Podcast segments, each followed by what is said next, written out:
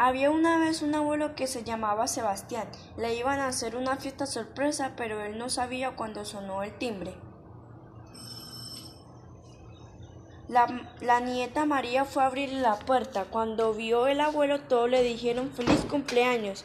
Se sentaron a comer la deliciosa torta y la repartieron de la siguiente manera. Tres cuartos de tortas para el abuelo Sebastián, un medio de torta para, para la mamá Josefa, dos y medio de torta para el papá y dos tercios para la nieta María.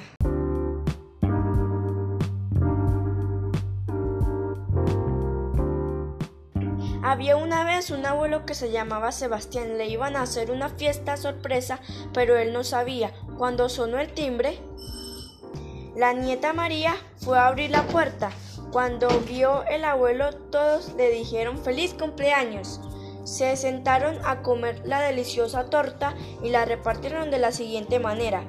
Tres, tres tercios de torta para la mamá Josefa, un medio para el papá Camilo, dos medios para el abuelo y tres cuartos para María.